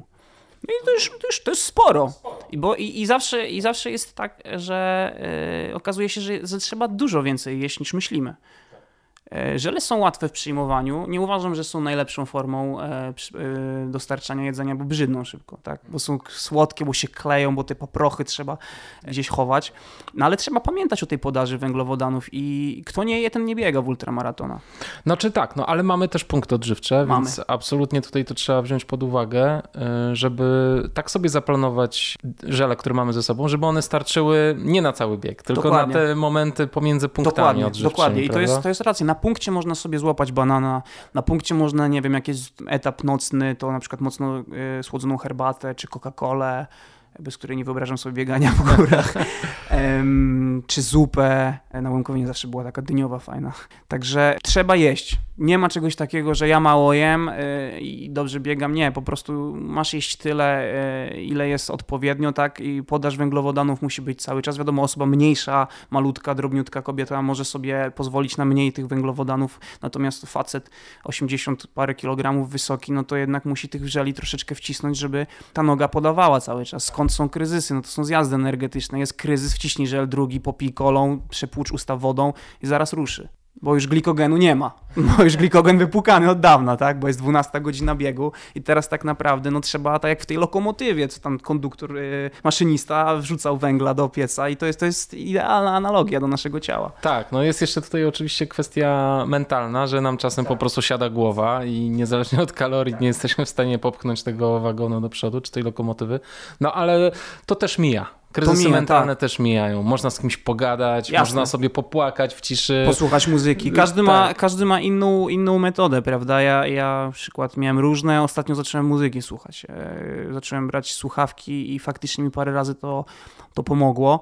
E, no ale tak, ja różne rzeczy widziałem. Niektórzy klną, niektórzy faktycznie płaczą i, i różne rzeczy się e, dzieją. Ale jeżeli to ma pomóc, to do przodu, prawda? To do, jeżeli to jest zgodnie cały czas z zasadami fair play, prawda, i nikt, do, nikt nie, przez to nie traci dookoła, to, to, to jak najbardziej trzeba sobie pomagać w ten sposób. Absolutnie. No i też pamiętać, że wszystkie kryzysy mijają, że tak naprawdę zejść z trasy można w przypadku kontuzji.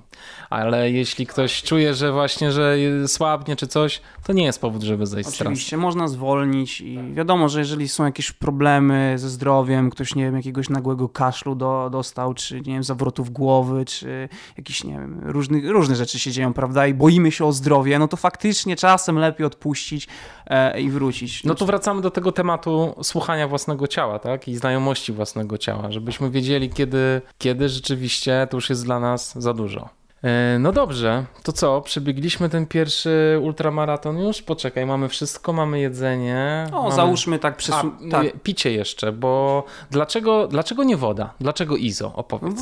No, izo się troszeczkę bardziej zatrzymuje w naszym organizmie, prawda, niż woda, bo woda to pijemy i zaraz to wysikujemy.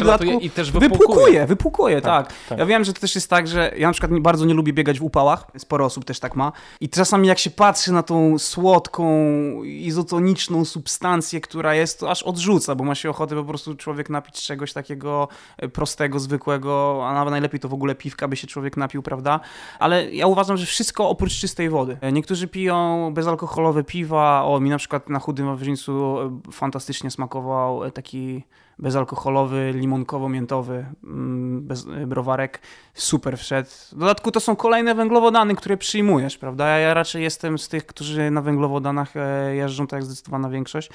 I tak, że po prostu woda jest fajna, żeby przypłukać, przepić coś słodkiego, ale uważam, że znaczy, to po prostu tak jest, że żeby nie pić czystej wody, bo po prostu się wypłukujemy ze wszystkiego i ta woda nie zostaje w naszym organizmie, tylko wylatuje tak samo szybko, jak ją wypiliśmy. Tak, nawet jak nie macie izo y, w domu, na przykład idziecie na trening, to ja na przykład stosuję taką metodę od Artura Kurka, usłyszałem taki przepis, że po prostu woda, ale z cytryną i z tak, solą dokładnie. na przykład. Sól jest ważna, tak. dokładnie. I to już wystarcza, to już załatwia sprawę. Przez no. to, że się pocimy, tak. wytracamy bardzo dużo soli, więc jedni dostarczają sól i wodę i cytryna, a właśnie izotonik jest lekko słonawy, bo on dodatkowo jeszcze ma sole mineralne i właśnie chodzi o to, żeby pić. A to wszystko, o czym teraz mówimy, czy o jedzeniu, czy o piciu, warto sobie właśnie trenować na treningach przed zawodami, pójść na długie wybieganie, wziąć jakieś banany, żele, zobaczyć jak to jest, bo niektórzy też, no, jak to się mówi, rzucają się z motyką na słońce i nagle trzeba jeść w trakcie biegu. I jak to? Przecież ja się muszę zatrzymać, ja, ja nie jestem w stanie pić i, i biec, a jednak, a trzeba, bo to szkoda czasu, a zwłaszcza to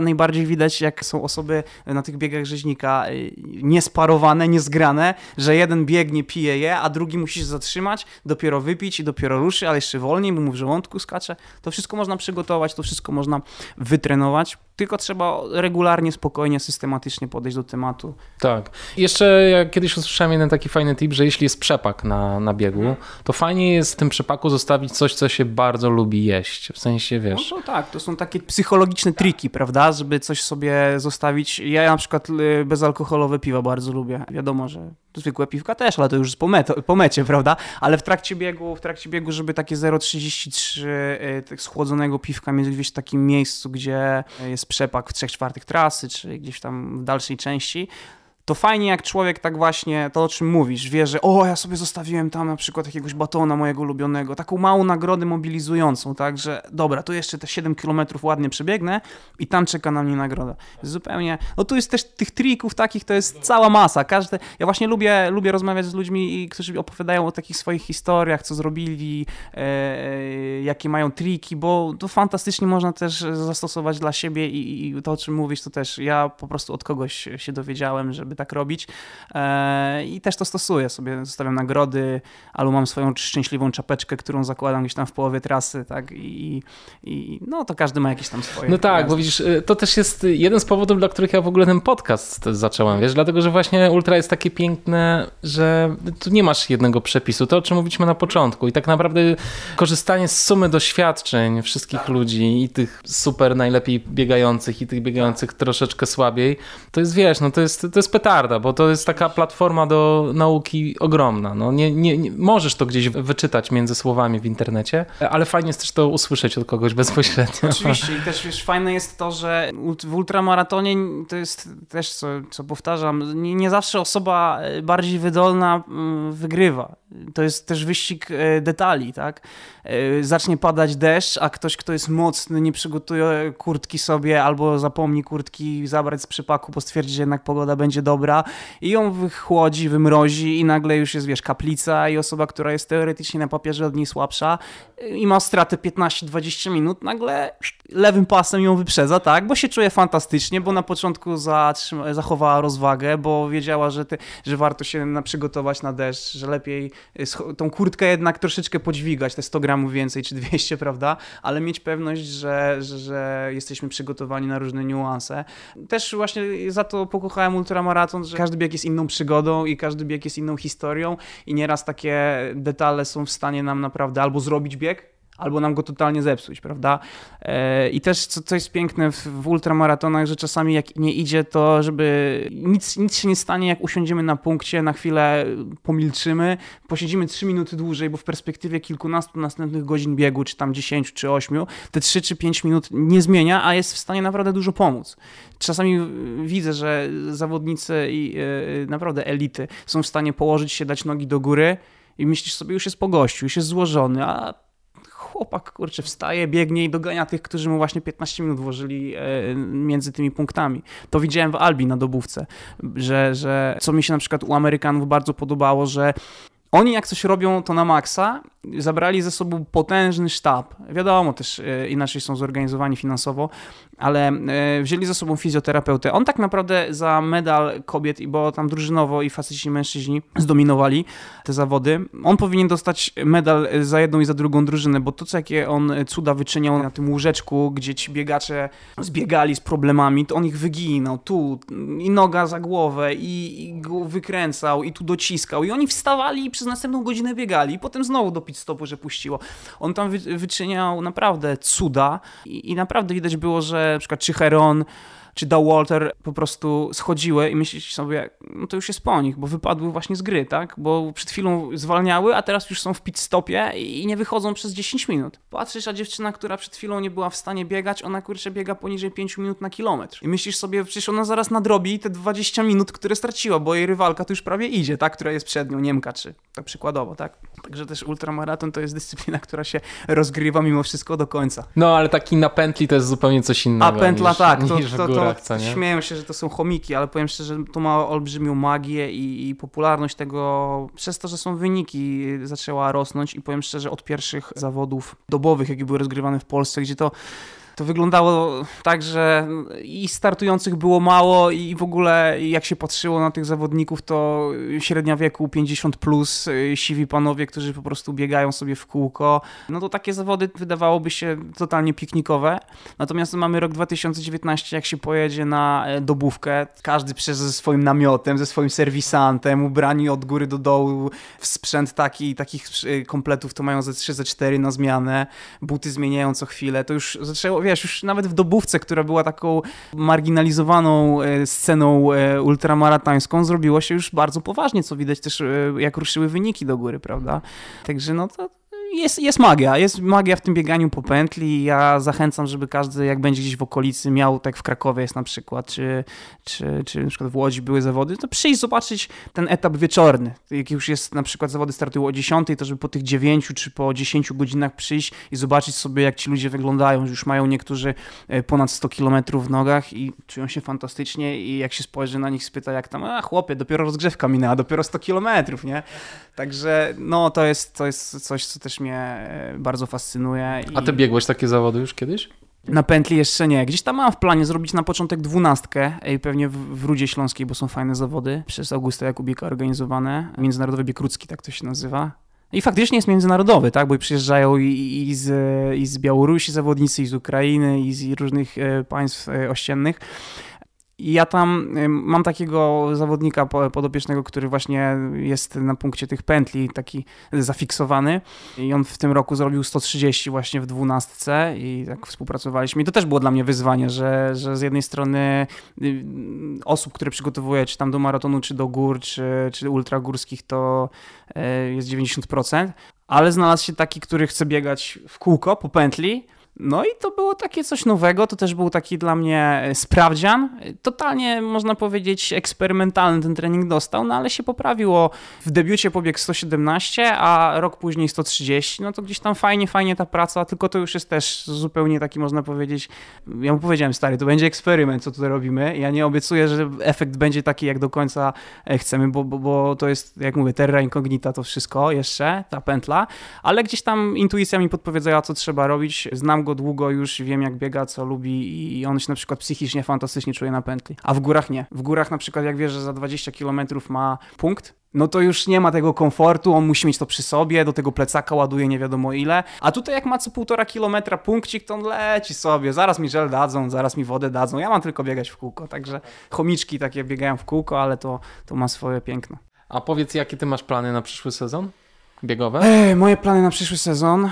Wezmę udział w biegu na 100 km w Mistrzostwach Polski w Pobienicach. Chciałbym tam powalczyć. Przede wszystkim o czas, ale na poprzednich Mistrzostwach Polski, które były w Kaliszu, tam zająłem piąte miejsce e, w Mistrzostwach Polski na setkę. Chciałem spróbować to albo powtórzyć, albo poprawić. Powtórzyć byłoby fajnie, bo poziom wzrósł mocno.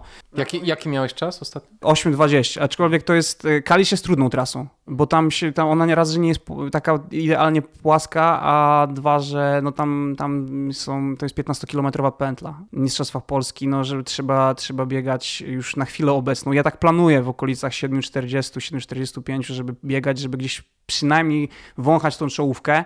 Wtedy to starczyło na piąte miejsce, ale teraz, teraz, teraz nie, aczkolwiek w Kaliszu ten, ten bieg na 100 km on jest rozgrywany po prostu, to jest Kaliska Setka, najstarszy super maraton, e, ultramaraton w Polsce.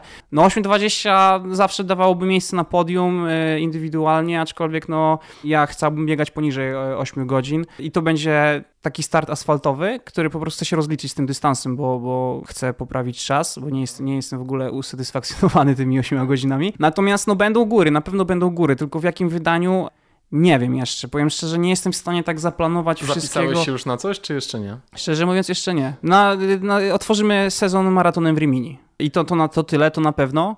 Ja mam pecha z tym chojnikiem, tak, bo w pierwszej, pierwszy raz jak startowałem w chojniku, to mi wysiadł żołądek totalnie. E, w drugim pomyliliśmy rozgrupą chłopaków z czołówki trasę i, nadrabialiśmy i tak kilka pozycji tam e, spadłem. Ostatecznie na dziewiątym miejscu skończyłem i chciałem, chciałem wyżej, ale myślę, że e, siedemdziesiątkę może spróbuję. A jest też plan, żebyśmy sztafetę spróbowali, bo jest fajna. Może Łemkowie na 70 km, lubię ten bieg bardzo. Dwa lata temu startowałem, nie, rok temu, przepraszam, na 48 mi fajnie poszło. Tam drugi byłem, więc yy, no zobaczymy. No może na chudego Wawrzyńca by się udało wrócić, bo, bo też bardzo, bardzo lubię te tereny, bardzo lubię te trasy i też tam jeden z, mocniejszych startów w życiu mi wyszedł na chudym i to też była fajna historia, bo jak e, pierwszy raz startowałem chudego, to był potworny upał 38 stopni i zamiast 80 wyszła mi 50, bo już prawie traciłem przytomność od tego upału, ja fatalnie znoszę upał a wróciłem po trzech latach i byłem drugi na 80, więc gdzieś tam mam ogromny sentyment do tego biegu. Tylko Gorczyca mi dołożył, nie? Ale to, to, to póki co nie, nie, nie, nie zapatruję się na bezpośrednią walkę z nim. Ale, ale no zobaczymy. No jakby ja, ja tak jak mówię, ja nie, nie umiem planować e, tak bardzo mocno, czy znaczy gdzieś tam z tyłu głowy właśnie tak się wymieniłem, że tak. są jakieś plany, ale na coś, i to też jest trudność, jak się zapisać w grudniu i wiedzieć, że się będzie miało formę prawda, w październiku, a miejsca się rozchodzą. To przecież to się działo na Szczawnicę, no prawda? Nie, nie, no. Ja, no. ja powiem ci, ja w tym roku przestałem, nie zapisuję się już na nic. No, więc... więc... Tyle pakietów straciłem Dokładnie. w zeszłym roku, że... Powiem ci, może coś za granicą, bo dużo, dużo luźniej jest z zapisami, nawet w Włoszech na przykład, czy, e, czy gdzieś e, we Francji. E, cenowo wychodzi naprawdę podobnie, jestem w szoku. Ale to tak, to, to chcę powalczyć. Ja jakby też moją pasją są te biegi górskie, ale widzę, że jest jeszcze troszeczkę do pobiegania po asfalcie i chcę tą setkę po prostu tak gdzieś mam z tyłu głowy i chcę ją po, poprawić i zobaczymy, zobaczymy jak wyjdzie, więc to, to jest taki plan numer jeden na przyszły rok. A o reszcie jakoś tak nie chcę, nie chcę mówić, bo to wyjdzie jak to się wyjdzie w praniu. Tak, nie mam, nie mam jakiegoś strasznego parcia na konkretną daną imprezę. Eee, może gdybym miał jakiś tak, właśnie tak jak miałem na przykład, że miałem się rozliczyć z chudym wawrzyńcem, że miałem się rozliczyć z chojnikiem, to tak, to jak najbardziej już, już wiedziałem, że jestem zapisany, jadę i wyrównujemy dwukrotnie się udało, więc fantastycznie. E, ale w tym roku jakoś nie mam, e, oprócz tej setki właśnie. I to jest właśnie gdzie, miejsce, gdzie chcę wyrównać rachunki z czasem, bo ta taka liska mnie wyciurała wtedy strasznie. No i właśnie wtedy złe wyszło przygotowanie e, właśnie żołądka, bo mi wysiadł żołądek po prostu, ale już za 30 km na trzy musiałem lecieć, bo nic nie przyjmowałem i było, było ciężko. No ale jakby tutaj, tutaj jadę powalczyć. E, niektórzy posłuchają, matko, 100 km po płaskim, po asfalcie, jak tak można? A, a powiem szczerze, ten bieg dużo szybciej mija niż by się wydawało, bo cykl 8 godzin, setkę ma człowiek zaliczoną, prawda? Także tutaj, tutaj gdzieś będziemy swoich sił próbować. No ale góry na pewno będą, na pewno będą góry, tylko wiesz, w jakim wydaniu to 25 listopada, 26 listopada jeszcze, e, jeszcze nie wiem dokładnie, jeszcze nie wiem dokładnie, tak, jest jakiś szkic. Słuchaj, powiedz, gdzie słuchacze mogą złapać z tobą kontakt, żeby cię ewentualnie dopytać o różne rzeczy? E, Przede wszystkim mamy fanpage naszego projektu treningowego, obozowego, Obozy Górskie, gdzie wokół którego tak naprawdę skupiamy naszą całą społeczność, która z nami współpracuje, która z nami jeździ na obozy, więc można nas szukać na e, Facebooku Obozy Górskie. Śmiało można pisać, no, albo po prostu znaleźć takiego Ancymona na Facebooku, Patrick Hyde i, i napisać i ja na pewno odpiszę, i ja na pewno pogadam i, i podzielę się tym e, wszystkim, co, co tak naprawdę e, wiem i chętnie, chętnie pomogę. Fajnie. Dziękuję Ci, Patryk, za spotkanie Dziękuję bardzo. Ślicznie. Dzięki. Trzymaj się. Hej.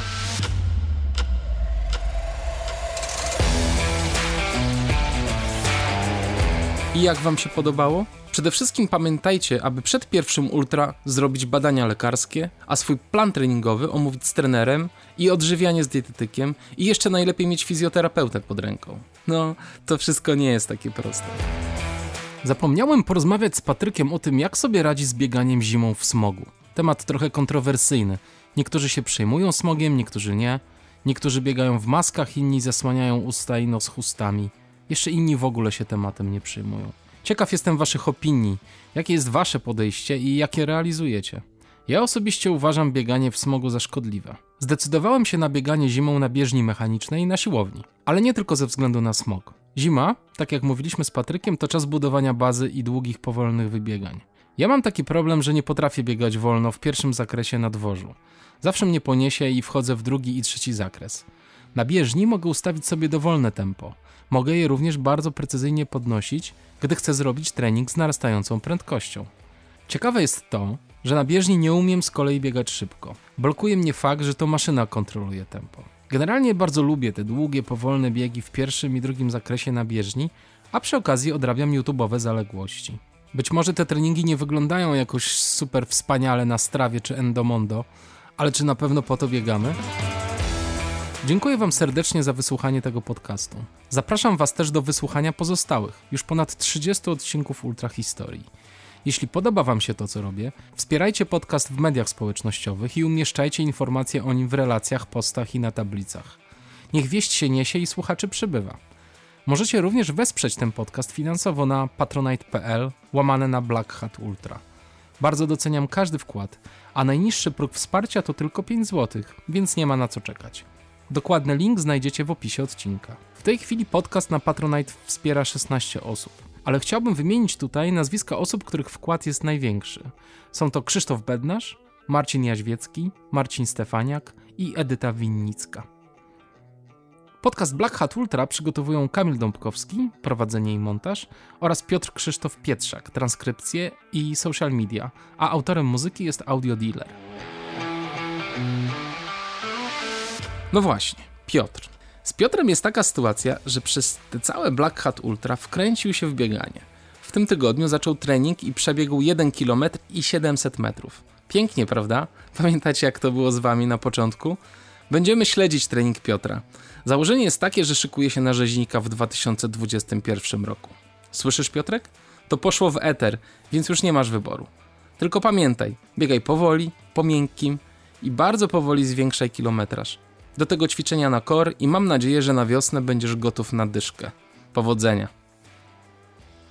W tym odcinku mówiliśmy dużo o wsłuchaniu się we własne ciało, więc jeśli jeszcze ktoś mnie słucha, jeżeli jeszcze ktoś tu jest, jesteś tu? Tak, ty. Zatrzymaj się na 20 sekund, zamknij oczy i poczuj swój oddech. Tak po prostu.